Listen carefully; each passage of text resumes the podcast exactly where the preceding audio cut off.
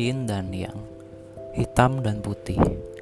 Dalam kehidupan kita sehari-hari, setiap kejadiannya pasti ada sisi positif dan negatif yang bisa kita petik atau kita pelajari.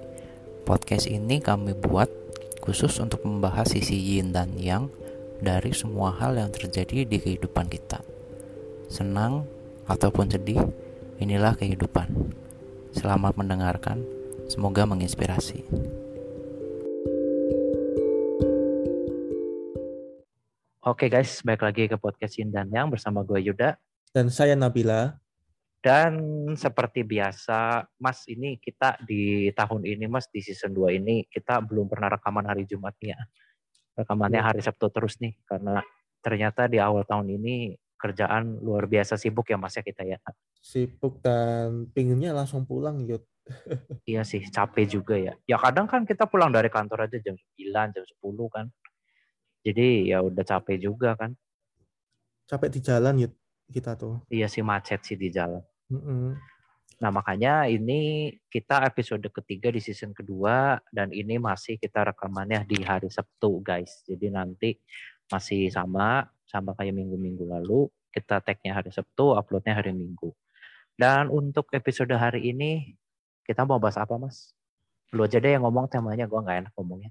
Oke, jadi kita uh, kemarin tuh pernah ngobrol nih atau teman-teman kita yang udah punya single parent lah gitu ya, single parent. Gimana sih kehidupan yeah. single parent gitu loh. Kita sebagai anak juga sering mempertanyakan situasi Betul. mereka seperti apa. Betul. Terus juga masalah mental, kesehatan finansial. Kita sebagai mm -hmm. anak juga ngerasa loh yuk kayak gimana ya kalau misalkan aku punya orang tua single parent kadang rasa-rasa penasaran tuh ada gitu loh. Kok ibu kok bapak kok betah ya jadi single parent? Terus habis itu apakah pernah ada keluhan mental atau mungkin nggak kuat lagi gitu loh? Sendirian secara yeah. secara finansial juga mungkin ya income juga satu kan yang tadinya kita join income tiba-tiba ada yang salah satu meninggal Iya. Yeah. income cuma satu. Terus ngurus yeah. anak, yuk kita juga penasaran. Mendidik anak itu kan bisa jadi pelajaran seumur hidup. Nah, ketika kita udah dewasa pun, ketika iya. statusnya yeah. ada yang single parent juga, mungkin aku sebagai anak bingung ini cara didiknya gimana lagi ya karena salah satunya udah meninggal udah, ataupun cerai gitu. Betul. Kita akan bahas malam ini dan banyak pertanyaan sih di benakku. Gimana sih mereka gitu? Ya um, iya sih sebenarnya banyak hal menarik ya mas ya. Karena kalau dari aku sendiri sih kalau memang temanya atau kita pengen ngobrol soal single parent wah lumayan banyak sih yang bisa aku sharing sih. Tapi mungkin buat opening mas mungkin kita coba saling bertanya satu sama lain dulu kali ya. Hmm. kalau kamu mas orang tua kamu masih lengkap mas? Alhamdulillah lengkap semuanya. Masih masih saling sayang nggak tapi nah, apa apa masih lengkap tapi udah pisah ranjang apa gimana? aku belum pernah nanya mereka lagi sih. Tapi nah itu secara, coba tanya mas. Secara kondisi sih masih sehat ya hubungannya. Iya mungkin di depan anak-anaknya kan kalau orang tua yang baik kan sejauh yang aku pernah baca ya mas ya di, di, di beberapa sumber di internet orang tua yang baik itu kalau mereka memang berantem apa ribut gitu ya itu yang bagus tuh nggak di depan anak. Biar anak tuh jadi kayak nggak secara langsung belajar gitu loh. Hmm, jadi hmm, mereka kalau ribut umpet-umpetan. Nah barangkali oh orang tua kamu begitu juga kali mas. Aku juga pernah baca sih Nah, kayak gitu. Ya memang penting sih. Cuman betul. Tapi gimana Yud ya? Efek rumah kecil tuh berpengaruh loh Yud. Lu mau ngumpet di mana? Ribut ya tinggal. Anjir rumah kecil loh. Iya benar juga sih tapi. Rumah kita seadanya, rumah sangat sempit, sempit, sempit, sempit, dan alhamdulillah ya cukup buat keluarga lima orang. Cuman kan kalian mau ngumpet di mana, mau sembunyi di mana, mau ribut ya tinggal ribut di depan kita. Kita juga udah iya. punya parameter sendiri gitu loh. Oh, orang tua lagi ribut nih. Ya udah, biarin aja gitu loh. Kita tanya kesimpulannya aja. Siapa yang salah, gimana jalan tengahnya, permasalahannya apa. Udah sebatas itu. Wah, kalau ditanya siapa yang salah, emang Emang ada yang mau ngaku, Mas? Ada orang tua yang mau ngaku, pasti adalah anak kan pasti tahu sendiri yang salah duluan siapa. Iya, tapi kan kadang kalau orang tua kan ya susah sih ya. Tapi dari yang tak alamin sih susah ya orang tua kalau kalau buat ngaku dia salah ya. Ada aja gitu dalilnya. Hmm, oke. Okay. Nah, itu oke okay, orang tuamu masih lengkap. Ya udah let's say masih saling sayang lah ya, gak ada pisah ranjang, hmm. gak ada apa. Berarti kamu belum pernah mengalami jadi anak dari orang tua yang single parent dong ya? Belum pernah sih ya, jangan sampai lah Yud. Gak apa-apa mas, kan ini pengalaman, biar biar makin kayak pengalaman kan makin bagus. Iya, tapi kan kalau pengalamannya kayak gitu kan mungkin kan bagi aku belum siap aja sih. Iya sih, mana ada lah anak yang siap. Iya, betul. Kalau kamu sendiri gimana, Yud, emang pengalaman? Nah, ini dulu nih, Mas. Sebelum aku jawab nih, ada baiknya kita samain persepsi dulu nih di depan. Mas, makna dari kata single parent itu apa sih? Misalnya contoh nih, misalnya sepasang suami istri, atau papa mama aku deh supaya gampang. Hmm. Papa mamaku. Terus salah satu misalnya mati, hmm. berarti udah tinggal sisa satu. Apakah itu disebutnya single parent? Iya dong. Itu udah jelas lah ya. Iya. Tapi kalau misalnya cerai, dua-duanya masih hidup sampai sekarang, itu kehitungnya single parent nggak? Misalnya kan orang tuaku cerai, terus aku ikut sama mamaku. Nah, hmm. apakah aku bisa dianggap single parent karena aku udah nggak tinggal sama bapakku apa gimana? Uh, lebih kalau menurut kamu nih? Lebih tepatnya single parenting. Single parenting. Oh. Iya. Ya berarti kalau dari uh, ini kasusku bisa ya. Karena waktu itu kebetulan memang orang tuaku tuh pisah pas aku SMP kelas 2 aku inget besoknya ulangan bahasa Mandarin lagi wow besoknya ulangan bahasa Mandarin malam-malam jam 7 atau jam 8 malam gitu aku lagi belajar terus dapat berita kayak gitu. Intinya kayak Yud sorry ya hari ini gue udah nggak bisa pulang. Itu kata salah satu dari uh, orang tua aku lah. Jadi dia bilang sorry ya mulai malam ini gue udah nggak bisa pulang. Paling besok besok gue mampir bentar ke rumah juga gue cuma pengen ngambil baju doang. Habis itu udah cabut dan dan dan gak akan balik lagi gitu. Hmm. ya jujur sih waktu itu apalagi besoknya kan ulangan dan ulangannya kan bahasa Mandarin lagi ya. Susah hmm. ya itu udah tuh habis telepon itu udah. Langsung nangis belajar juga nggak ada yang bisa masuk. Besoknya ulangannya jelek ya udah nggak tahu sih. Tapi intinya kalau memang single parent itu artinya sama dengan single parenting atau kita hanya tinggal atau mendapat apa namanya perilaku uh, mendapat uh, ajaran dari orang tua cuma satu doang ya berarti aku termasuk tuh udah dari SMP kelas 2 tapi sampai sekarang orang tuaku dua-duanya masih hidup masih sehat masih hidup Cuma masih masih hidup dua-duanya yang melakukan parenting ke kamu siapa cuma nah ya nah ini ini ini aku ada pertanyaan lagi nih menurut kamu makna kata parenting itu udah pasti orang tua ngajarin anak hal-hal yang bagus atau orang tua ngajarin anak hal-hal yang jelek? Uh, Apa dua-duanya? Kayaknya dua-duanya ada ya parenting. Cuma kan dua-duanya. Ada yang namanya parenting yang baik, ada yang namanya parenting nggak baik ya. Mungkin dikategorikan di situ kali ya. Ya, nah kalau orang tua aku mas, ini aku boleh uh, ini jujur lah ya. Ya, kalau boleh jujur mah orang tuaku banyak parentingnya tuh banyak ngajarinnya hal-hal nggak bagus sih jujur aja tapi jadinya untuk aku sekarang ya untuk di usia aku yang sekarang yang udah bukan anak kecil lagi apalagi aku laki-laki gitu ya aku melihat dan aku sangat bersyukur sih justru orang tua aku jadi orang tua yang dalam tanda kutip para parentingnya tuh banyaknya hal-hal jelek yang mereka ajarin. Karena jadinya aku sekarang bisa ngeliat gitu loh dengan lebih jelas lagi dunia tuh cara kerjanya kayak gimana. Kayak oh ternyata hal-hal jelek tuh begini ya. Oh ternyata orang tua kita bisa begini bisa begitu ya. Oh gitu gitu tuh maksudnya. Jadi ibarat kasarnya menghadapi dunia ini nih apalagi kan dunia makin hari makin gila ya mas ya. Jadi udah makin ready gitu loh. Ngerti nggak sih? Jadi kayak udah ya udahlah gue udah gue udah ngelaluin banyak di hidup. Ayolah hidup mau ada apa lagi ayo datang aja gitu. Ibaratnya. Tapi ya ada juga hal-hal bagus yang diajar. Orang tua juga jelas ada nggak mungkin semuanya buruk juga nggak. Adalah adalah beberapa yang bagus. Cuma memang mayoritas yang masih kecantol banyak di otak dan di hati itu ya yang jelek rata-rata sih itu Tapi itu tetap tergantung dari orangnya masing-masing sih. Ada orang yang sampai sekarang semakin bertambah dewasanya orang, ada yang kurang peka, kurang arahan, dan kurang belajar. Bisa jadi parenting yang jahat bisa membuat anak-anak itu juga berkelakuan nggak baik juga gitu loh. Oh ada sih banyak sih itu. Ada, tapi kalau misalkan contohnya kayak kamu kan seiring dewasanya kamu, kamu Yes. juga ada inisiatif buat belajar menjadi pribadi yang lebih baik. Nah itu dia. Akhirnya kamu orang-orang kayak kamu tuh kayak mengenal, oh ini yang baik, ini yang jahat, ini yang nggak baik, Betul. kayak gimana. Gitu. Setuju. Ya meskipun memang kenal yang baiknya rata-rata sebagian besar nggak dari orang tua gitu loh maksudnya.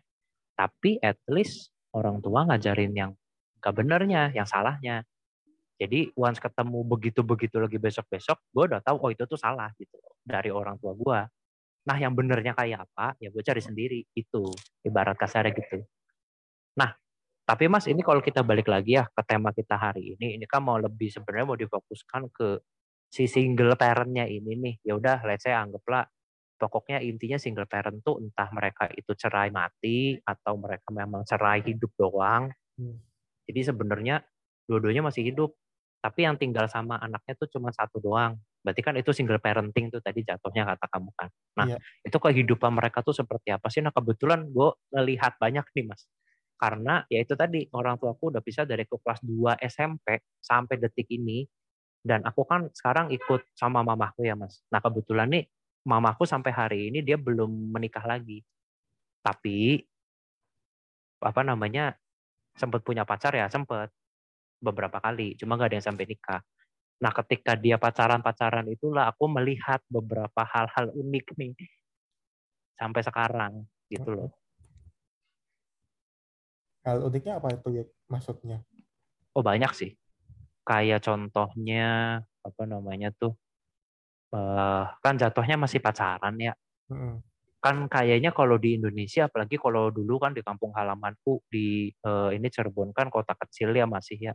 Nggak bisa disamain sama Jakarta lah. Maksudnya dalam arti kayaknya kan kalau di Jakarta kalau cowok cewek belum muhrim, belum nikah, tinggal bareng sepertinya udah hal biasa ya Mas ya. Ini kita nggak ngomongin hal bener enggaknya lah ya, pokoknya itu udah hal biasa. ya. Betul, udah hal lumrah lah. Tapi kalau di Cirebon itu masih bener-bener hal tabu banget tuh. Cowok cewek tinggal bareng sebelum muhrim, sebelum nikah.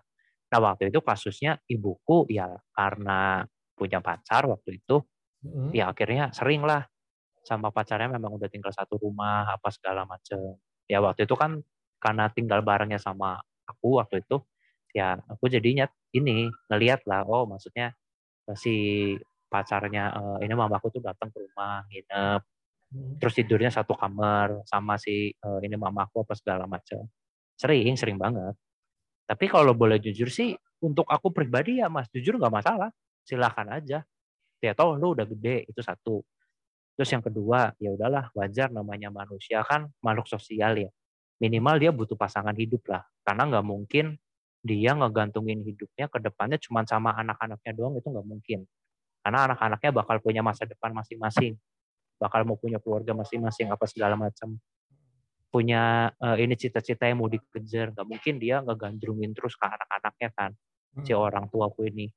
Makanya nggak apa-apa dia punya pacar silahkan. Gue juga nggak ngelarang. Nah masalah tinggal bareng apa enggak juga gue mah terserah wong mereka yang ngejalanin kok gitu. Nah waktu itu ada ada ada kejadian uniknya gini mas. Jadi waktu itu tuh posisinya rumahku yang di Cirebon itu begitu masuk nah itu nggak jauh dari pintu masuk langsung kamarnya mamahku tuh sama si pacarnya. Jadi letaknya paling depan. Nah kamarku di belakang paling belakang. Nah waktu itu letak WC-nya letak kamar mandinya itu di tengah-tengah kedua kamar tidur itu.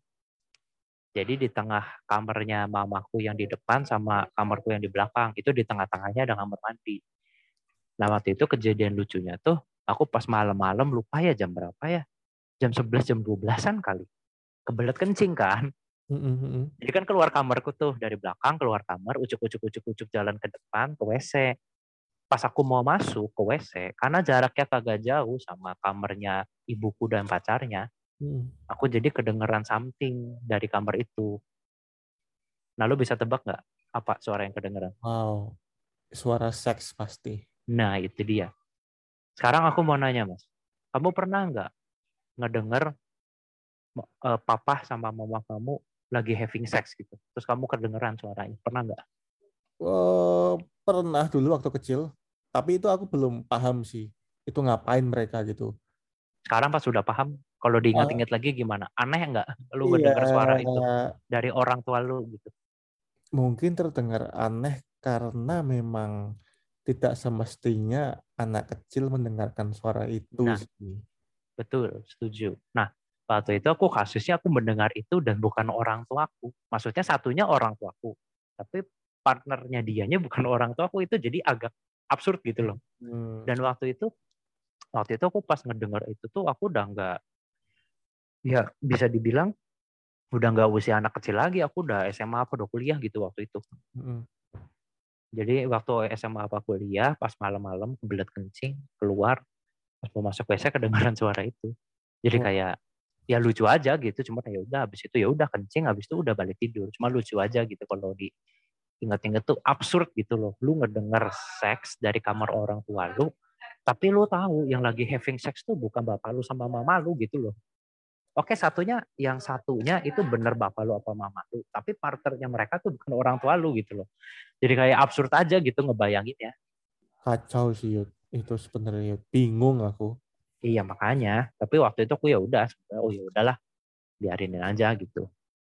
Akhirnya ya udah, habis itu udah berjalan seperti biasa, apa segala macem. Dan apa namanya, ya aku nggak tahu sih. Mungkin wajar lah namanya manusia kan seks kan salah satu kebutuhan ya. Apalagi kan mungkin mungkin beda sama kita yang belum nikah, Mas. Kalau orang udah nikah kan yang udah pernah merasain begitu-begituan kan sama orang yang sah kan mungkin begitu mereka udah ngerasain gak begitu lagi selama bertahun-tahun kan mungkin ada kepengenan kan. Nah, akhirnya kayak ya udahlah nggak usah nunggu nikah. Yang penting udah ada kamar, udah ada apa, hajar aja gitu mungkin ya. Nah, menurut kamu gimana? uh, itu dia sih kadang aku juga mikirnya um, single parent ya pasti ya. kebutuhan ya. batinnya nggak terpenuhi dong karena I, iya betul nah, aku, yang aku pikirin mereka tuh ngapain ya untuk memenuhi kebutuhan batinnya nah itu dia itu, ya, itu oh, salah satunya tuh itu dia masa nyampe puluhan tahun belasan tahun nggak pernah melakukan seks Mm -mm. Itu jadi pertanyaan besarku. Apakah Gak mereka melakukan self service mau nyampe kapan? Mungkin. Self service pasti mungkin. Tapi mungkin, mungkin banget. Gitu. Iya. Terus ketika di mungkin di agama kamu kan tidak boleh menikah lagi kan? Ya cerai aja aslinya nggak boleh mas. Iya, kecuali salah satunya meninggal, enggak? Betul. Nah Betul. kalau belum meninggal meninggal, terus mau ngelakuin seks sama siapa gitu loh? Iya, sebenarnya tergantung ya tergantung sih orang tua yang pisahnya itu dia satu dia taat banget sama agama apa enggak mm-hmm. ya kalau taat banget sama agama ya itu balik lagi harusnya kan cerai aja nggak boleh tapi kalau memang pasangannya mati ya udah apa boleh buat kan tapi kan kalau kasusnya orang tuaku dan kebag sebagian uh, sebagian uh, beberapa orang tua lainnya kan bukan karena pasangannya meninggal mereka cerai itu memang karena ego masing-masing aja kan dan habis itu yang pasang mantan pasangannya belum mati pun mereka udah nikah lagi, ya udah having sex lagi kan rata-rata gitu sekarang. Tapi mas ya, aku aku ada satu lagi nih kejadian unik. Waktu itu kan uh, ini habis orang tuaku pisah kan aku tinggal sama salah satu dari mereka. Nah waktu itu tuh ini, ini sih ini sih jujur sebenarnya aku nggak sengaja ya dan ini sebenarnya harusnya hal nggak boleh gue dilakukan. Jadi waktu itu tuh aku lagi ngobrol lah sama salah satu orang tua aku tuh Nah ya kan, habis itu aku nggak tahu kenapa ya lagi iseng apa gimana, aku ngelihat-ngelihat handphonenya dia, ngelihat-ngelihat aja gitu, WhatsAppnya scroll scroll aja iseng. Mungkin kayaknya dulu tuh cuma penasaran. Kalau orang tua, orang antar orang tua ngobrol tuh obrolannya kayak apa sih gitu. Mungkin kayaknya dulu aku hanya penasaran ke sisi ke ke sisi itu mas, hanya penasaran kalau orang tua chattingan tuh ngobrolin apa sih gitu kan. Ya jadi aku scroll scroll aja WhatsAppnya orang tua aku tuh. Aku baca aku baca. Tapi kan ini harusnya nggak nggak boleh ya nggak boleh scroll WhatsApp orang ya. Cuma hmm. karena waktu itu penasaran aja. Terus terus tau nggak aku menemukan apa? Ini ini kacau sih. Jadi aku ngelihat ada chat WhatsApp-nya orang tuaku sama pacarnya itu mereka waduh ini aku jujur sebenarnya nggak enak sih ngomongnya cuman ya udahlah ya yang penting kan namanya nggak disebut nama orangnya siapa. Itu mereka saling ngirim foto organnya mereka. Lah lah kok bisa? Nggak tahu. Sumpah oh, foto-foto gue juga ngeliatnya kayak gitu ya? apa? Foto-foto telanjang bukan waktu itu waktu itu aku cuma ngeliat satu sih. Waktu itu aku ngeliat foto alat kelamin. Hmm. di situ langsung nyesel tuh langsung tak lock handphonenya langsung tak taruh udah. Langsung kayak anjir anjir barusan gue lihat apa? gitu loh. Anjir absurd sih itu. Wah gila sih Yud. tapi secara nggak sengaja memang kita dibingungkan dengan situasi seperti itu sih. Betul. Makanya ya tapi sekali lagi balik lagi ya kayak yang aku bilang tadi itu hasilnya kan nggak boleh. Kita bongkar-bongkar handphonenya orang kan juga udah nggak boleh kan sebenarnya. Cuma kan waktu itu nggak tahu ya iseng aja mungkin. Kayak penasaran orang-orang tua tuh kalau chattingan tuh ngobrolinnya apa aja sih gitu. Akhirnya lihat-lihat terus ketemu chat sama pacarnya aku tahu itu nama pacarnya kan jadi aku langsung buka chat roomnya dengan dengan PD-nya dengan PD dan kurang ajarnya aku buka chatnya kan. Langsung nongol gambar kayak gitu dong aduh anjir nyesel gue buka. Terus gimana tuh akhirnya kamu? Cuman diem? Ya diem aja terus mau ngapain? Masa gue nanya ke orang tua gue ini apaan? Gambar apaan? Kan gak mungkin. Hmm. tapi ya dengan tapi dengan usiaku sekarang sih aku mulai ngerti sih. Maksudnya kayak ya itu balik lagi kayak yang kamu bilang tadi mungkin ada betulnya mas. Sekarang kalau orang ya seperti orang tua kita lah yang udah udah ngerasain menikah udah ngerasain seks sama pasangan yang halal terus cerai terus udah berapa tahun gak, dap gak dapat pasangan lagi kan mungkin kan bukan mungkin ya pasti kan ada kepengenan buat seks lagi kan tapi karena nggak kesampaian mungkin karena dia belum merit jadi akhirnya kalau pas dulu yang aku lihat ya itu salah satu caranya pakai foto-foto begituan dikirim ke pacarnya. Dan itu baru foto doang loh mungkin kalau aku lanjutin scroll mungkin nemu video mau nemu apa kali. Aneh sih menurutku. Ya ya nggak tahu juga lah. Ya pokoknya itulah mungkin salah satu ini kan kehidupannya para orang tua yang udah single parent apa single fighter ini. Dah, terus kalau dari itu kan dari sisi seks ya mas ya. Uh, uh, Kalau dari sisi keuangan mas, menurut kamu nih kira-kira gimana? Misalnya kalau kalau ada orang tua pisah, terus eh, apa namanya? Mungkin terutama kayak yang perempuannya sih, yang biasanya kan yang nyari nafkah kan suaminya, tapi begitu pisah kan dia harus cari nafkah buat dirinya sendiri itu. Nah itu menurut kamu gimana? uh, menurut aku sih masalah keuangan Yud ya Betul. Oh, sebenarnya Yud, keuangan tuh bisa diibaratkan kayak tergantung orang itu sudah stabil apa belum nih. Meskipun single parent, misalkan Mm -hmm. bapaknya udah nggak ada nih, udah cerai. Tapi Ya. kalau memang dari sisi finansialnya ibunya, seorang istrinya sudah sudah stabil ya aman-aman aja sih menurut aku. Cuma kan ada kondisi di mana Iya sih betul. tidak stabil, terus mengandalkan sepenuhnya dari suami, apalagi anak. Oh banyak sih yang Kan kayak gitu. tidak sengaja anak melihat kondisi seperti itu pasti akan direpotkan banget gitu menurutku. Oh betul, betul Uh, sekali, setuju dari sekali. finansial bulanan, terus Ya. kebutuhan-kebutuhan orang tuanya seperti apa, lifestyle kan pasti berpengaruh. Anak secara nggak sengaja Betul, akan eh, ngefollow lifestyle-nya orang tuanya yang single parent itu. betul, Kecuali orang tuanya sudah memutuskan secara garis besar memutuskan eh, tali finansial, oh anak aman, aku udah bisa hidup sendiri nih jadi single parent, aku udah bisa kerja, dapetin uang, atau memang dari eh, apa ya surat perjanjian pranikahnya juga kalaupun udah misah tetap dikasih nafkah dalam bentuk materi It- itu tergantung sepenuhnya dari orangnya sih. Kita kalau mau membahas secara positif juga ya nyatanya Ya. finansial tetap menjadi hal yang tabu di sih. Tapi kalau membahas secara negatif ya eh, kita uh, titik beratnya nanti ke keluarganya siapa sih yang mau bertanggung jawab untuk menghandle orang tua itu yang sendirian dari finansial hmm, ya. nggak ada pegangan gitu. Kalau orang tuamu mas, dua-duanya kerja atau cuma bapakmu aja? Uh, dua-duanya kerja sih wirausaha. Dari dulu? Dari dulu sebelum aku lahir malah. Dua-duanya wirausaha tuh maksudnya mereka punya usaha bareng atau punya usaha atau bareng. usaha masing-masing? Oh usahanya bareng. Iya. Ya bagusnya gitu sih memang. Jadi kalau salah satu mati kan satunya bisa nerusin kan. Iya betul benefit nah, itu. Iya, cuma masalahnya kan rata-rata pasangan kan kalau secara teori kan yang yang bekerja kan cuma yang laki-lakinya. Jadi kalau mereka misalnya pisah atau memang cerai mati, si suaminya mati, ya si ceweknya nih kelimpangan akhirnya karena dia biasa bergantung hidupnya sama si laki-lakinya.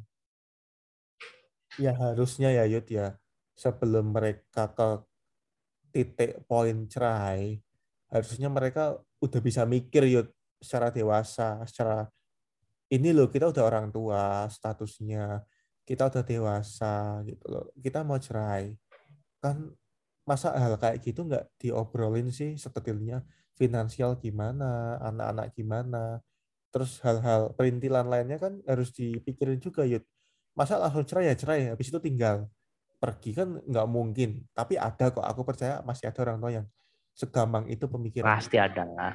Iya. Pasti ada kok. Ya, dulu pun orang tuaku bisa dibilang ya ketika pisah memutuskan untuk pisah atau cerai juga tidak matang konsepnya. Konsep untuk waktu do abis lu cerainya tuh gak dipikirin matang-matang juga. Iya. Kayak yang harus nafkahin anak siapa, anak harus ikut siapa, terus nanti uang sekolah, uang bulanan, uang jajan apa segala macam. Secara teorinya ada, hitam di atas putihnya, kabar dari mereka mah ada ya. Kalau aku pribadi jujur nggak pernah ngeliat karena mungkin waktu itu aku usianya masih terlalu kecil. Jadi nggak dikasih lihat tuh surat-surat mungkin pas persidangan cerai apa segala macam. Uh, bentuk perjanjian hitam di atas putihnya gimana itu aku nggak dikasih lihat.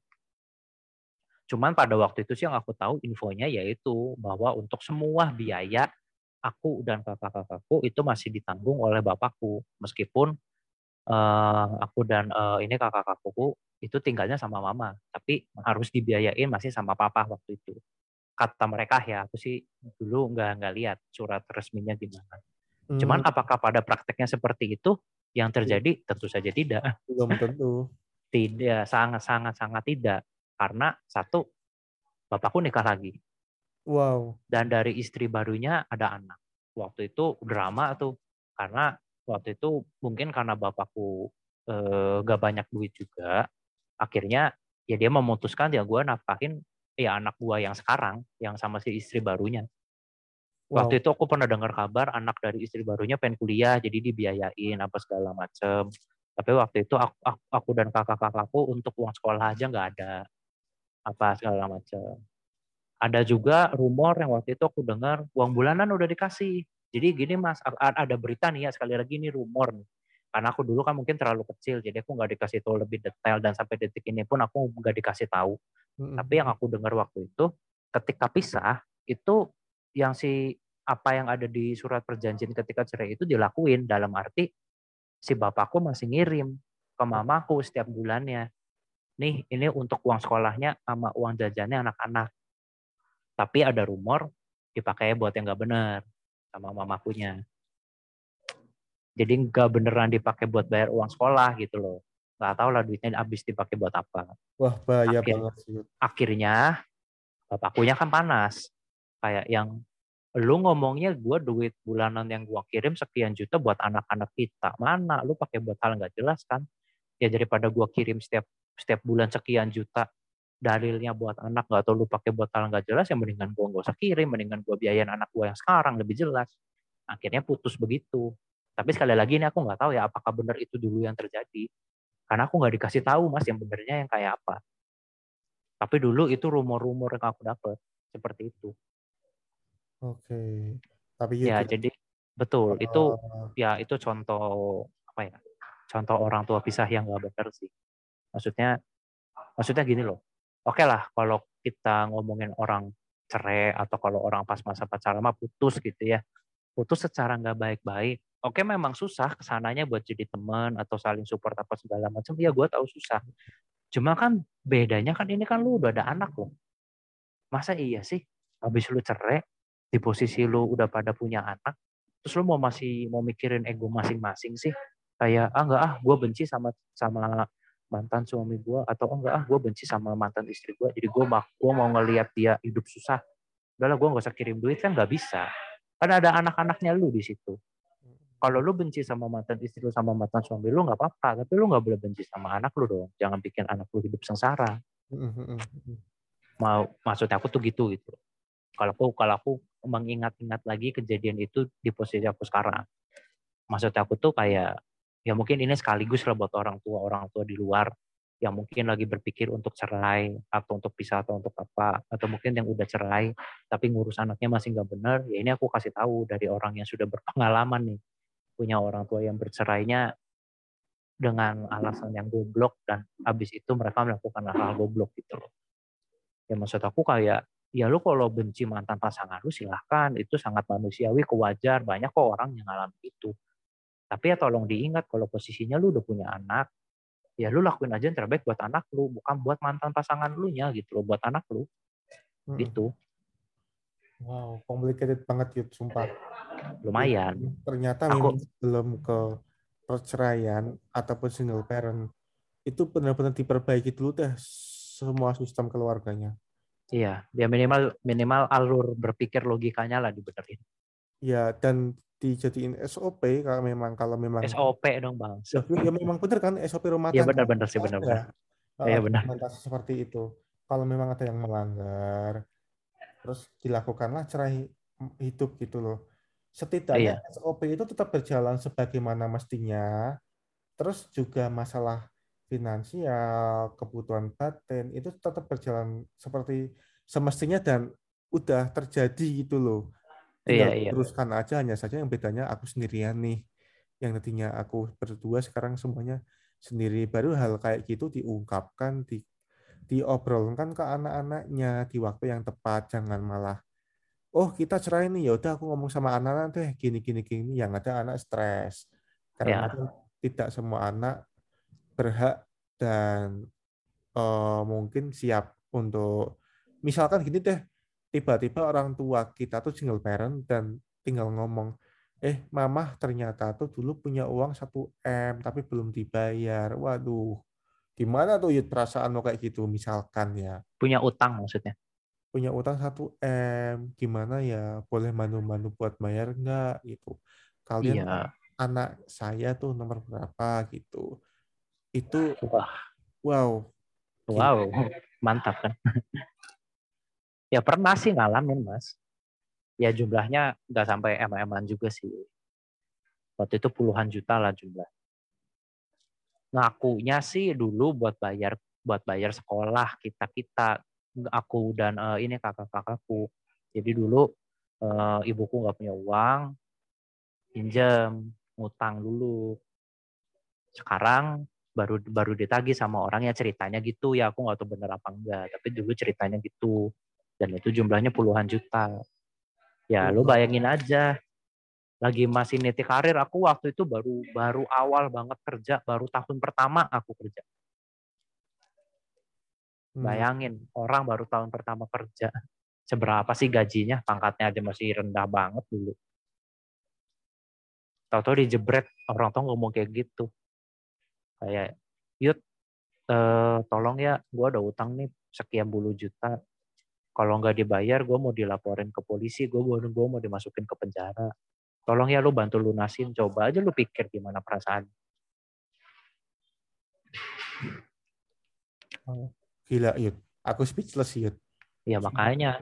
Aku bingung. Ya definisi bingung itu karena aku belum sampai ke literasi gimana ya meng, menanganin suatu kondisi di mana ada teman-teman yang mempunyai single parent terus mereka mengeluhkan seperti ini, mereka mengeluhkan di, di satu sisi kita tuh mempertanyakan gitu loh, gimana sih? Betul. gimana kok bisa sampai terjadi kayak gitu gitu kan? Terus kalian itu menanggapinya seperti apa ya oke mungkin mereka menjalani kehidupan seperti sehari-hari biasa cuman kan tambah berumur kan tambah berat ya apalagi ya, memang, memang. itu kan makin tua makin banyak dan makin tinggi iya. Lifestyle-nya gitu loh Terus iya. orang anak nggak mungkin lepas begitu saja, apalagi kalau Betul. misalnya single parent-nya itu masih hidup dan juga dua-duanya itu udah putus komunikasi, apalagi sudah tidak ada tanggung jawabnya. Kalau single parent-nya karena cerai mati sih, mungkin masih dipertanggungjawabkan dengan pernikahan lagi atau memang eh, apa ya kemufakatan bersama keluarga nih. Ini aku mau digimanain habis ini nih gitu. Hmm. Itu aja sih Yud pikirku. Iya. Ya begitulah Mas. Ke waktu waktu pas kejadian sih ya jujur shock ya pasti pertama. Hmm. Apalagi dia ngomong nominalnya sekian puluh juta kan gue langsung gua aja dalam hidup gua nggak pernah megang uang segede gitu sebanyak itu. Tahu-tahu suruh ngelunasin utang sebanyak itu gimana gimana gimana ceritanya anjir? Kan pusing ya. Tapi intinya gini lah mas. Uh-uh. kalau misalnya kita bicara seperti itu kan kamu tadi sempat bilang ya bingung kan. Bingung. kalau apalagi kan dari teman kamu sendiri punya kasus kayak gitu gitu kan bingung cara nangkepinnya gimana. Kalau aku sih intinya bisa aku bilang ya cara menangkepinnya setiap anak pasti beda-beda lah. Yeah. Maksudnya kalau memang dia diwariskan masalah dari orang tuanya, entah itu berupa hutang, berupa nama baik, apa segala macam, ya aku yakin setiap anak pasti punya caranya masing-masing. Mm-hmm. Cuman kalau boleh aku simpulkan secara cepat sih, di di posisi aku sekarang, akhirnya aku jadi mengerti, mengerti dan amat sangat paham, amat sangat inilah eh, itu kenapa kok apa namanya banyak di zaman sekarang apalagi anak yang gak mau ngurusin orang tuanya. Mungkin orang tuanya ditaruh di panti jompo atau udah udah udah udah tinggal pisah tapi mungkin telepon aja nggak pernah. Apalagi ngunjungi nyamperin apa segala macam mungkin kalau mati baru disamperin kali ke rumah dukanya itu pun bisa jadi mungkin gak nangis apa segala macam jujur di posisi aku sekarang aku ngerti kenapa banyak anak yang seperti itu. Dan kalau banyak di luaran sana dengan dengan cepatnya orang-orang ngomong kayak wah anak nggak boleh kayak gitu. Wah kalau anak kalau kayak gitu berarti artinya durhaka tuh. Masa nggak nggak mau ngerawat orang tua masa nggak mau ngejagain orang tua gini gini gini. Ya aku cuma bisa bilang yang nggak secepat itu bro. Itu loh. Cara berpikir lu nggak bisa cuma di satu sisi doang nggak bisa lu cuma pakai kacamatanya si orang tua. Lu harus pakai kacamatanya si anaknya juga. Apa yang anak itu alamin karena aku mau percaya di dunia ini itu Mas pasti semuanya tuh aksi sama reaksi. Hmm. Kalau ada kalau ada reaksi, pasti ada aksinya dulu di depannya. Kalau ada asap, pasti ada apinya dulu di depannya. Ya lu jangan nyalahin hutan kebakaran. Lu nyalahin siapa yang ngebakar. Lu jangan nyalahin ada asap, lu nyalahin lu lu harus nyalahin siapa yang awalnya mainan api. Kan gitu. Nah, rata-rata orang kita tuh cuma ngelihat endingnya doang gitu loh oh ini ada asap nih ganggu apa segala macam oke mungkin asapnya ganggu ya lu marahin orang yang bikin asapnya dong berani enggak hmm. gitu ya bisa diibaratkan tuh kondisi di mana kita menerima pesan yang terputus ya. Nah, kita cari Betul. suatu pesan itu apa sih yang bisa kita baca situasinya, isi pesannya seperti apa, gimana kita cara merespon pesan itu ternyata memang pesannya nggak ada apa-apa karena udah terputus. Iya betul. Nah, ya yang jadi hal memberatkan tuh di situ sih akhirnya kita membuat suatu pesan sendiri dengan isinya sendiri seperti apa dengan sistem kita. Nah kita serahkan itu ke orang tua tuh. Mau nggak mau ya kita mampunya seperti ini gitu.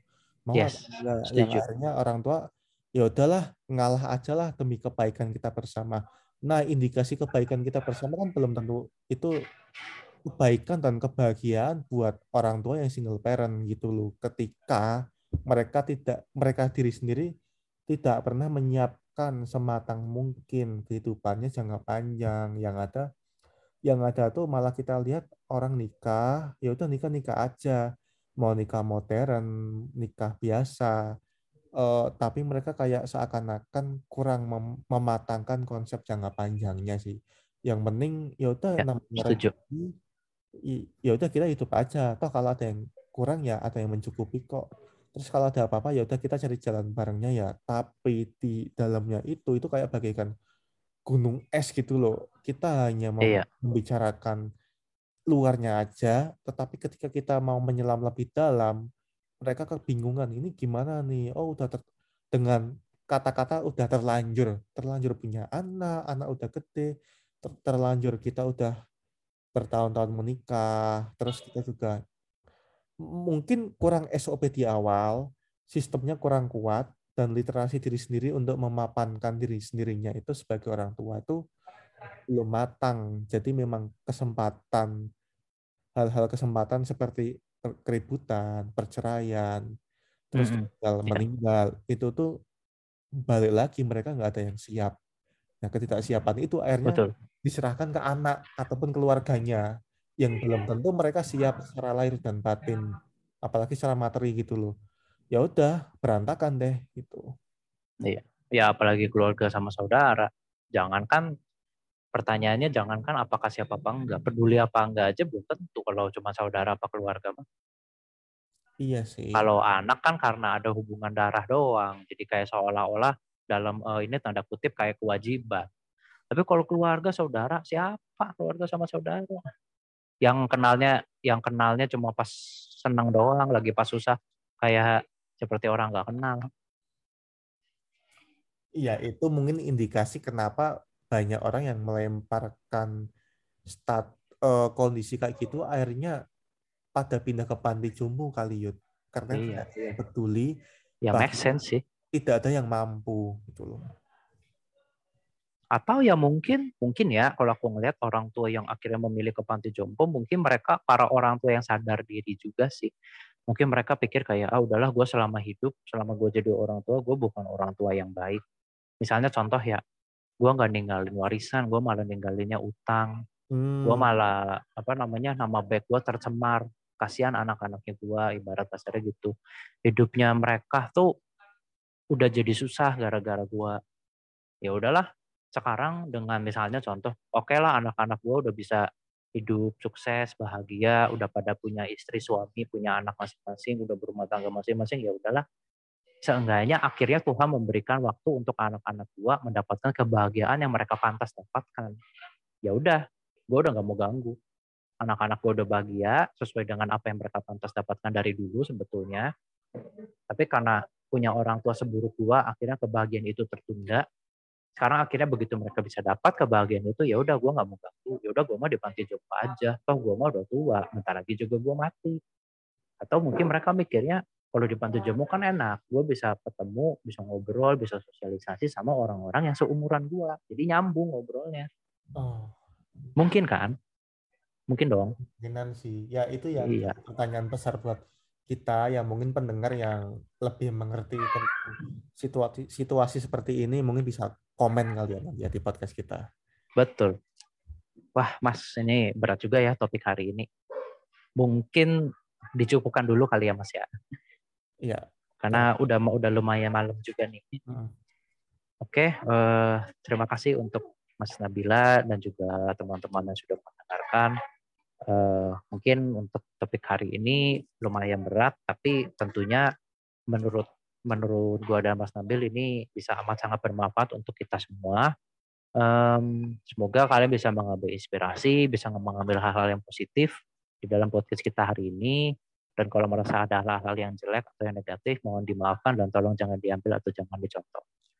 Oke, Ya. mungkin segitu aja untuk podcast kita di episode ketiga kali ini. Gue Yuda pamit.